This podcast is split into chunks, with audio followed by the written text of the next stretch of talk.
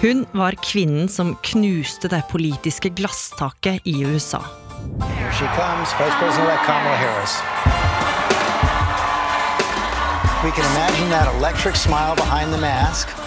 Med et stort smil og sterke appeller ble Kamala Harris dobbelt historisk da hun ble landets første kvinnelige og mørkhudede visepresident.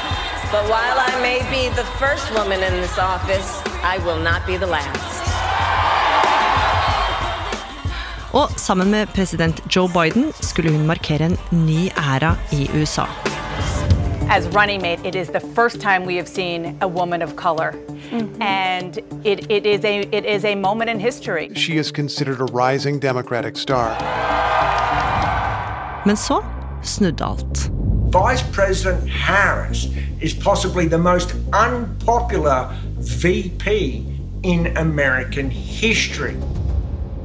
Hvordan ble Kamala Harris en av tidenes mest upopulære politikere? Dette er bare én av episodene Oppdatert har å by på denne uka, eksklusivt i NRK radioappen. Der kan du også høre disse episodene. Kjære alle sammen. På et podium står en alvorlig kvinne med kortklipt hår og dress. Det er PST-sjef Beate Gangås, og det at hun er så alvorlig, er ikke så Men rart. først av alt, dette er ikke dagen for bortforklaringer. For det hun skal gjøre, er å si unnskyld for at PST ikke gjorde nok for å hindre terrorangrepet i Oslo i fjor sommer.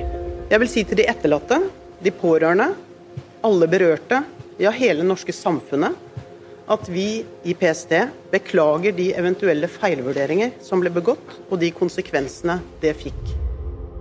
Hva var det som gikk gærent? I over 20 år har en mann med sjarmerende smil og kvikke replikker vært britenes store frokostfavoritt. First, though, it's time to check in with the uh, with the loose ladies. Morning. Will you widen that shot so you can actually see what I am doing, please? Thank you very much. Philip Schofield er en av landets mest folkekjære TV-fjes, med tusenvis av fans i alle aldre.